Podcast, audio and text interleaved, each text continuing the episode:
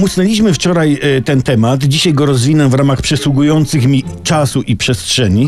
Otóż uczniowie, nauczyciele i dzieci narzekają, że po reformie szkolnictwa programy szkolne są przeładowane i proponowaliśmy wczoraj, żeby na przykład na matematyce nie uczyć odejmowania, tylko dodawania, żeby były same plusy i by wyniki były coraz większe, czyli lepsze. Na biologii na przykład nie uczyć o żabach, bo są brzydkie jak jaszczurki. No i wreszcie polski. Ten jest dopiero przeładowany. Ile tam jest liter? Policzyłbyś litery, które przewijają się na Polaku, to byś się załamał liczbą. A to wina, a to wina głównie rozbudowanych dzieł literackich. Jak postępować w przypadku powieści, dał przykład pan prezydent, który kazał z przedwiośnia Żeromskiego wyciąć wszystkie przymiotniki. Dało się, dało.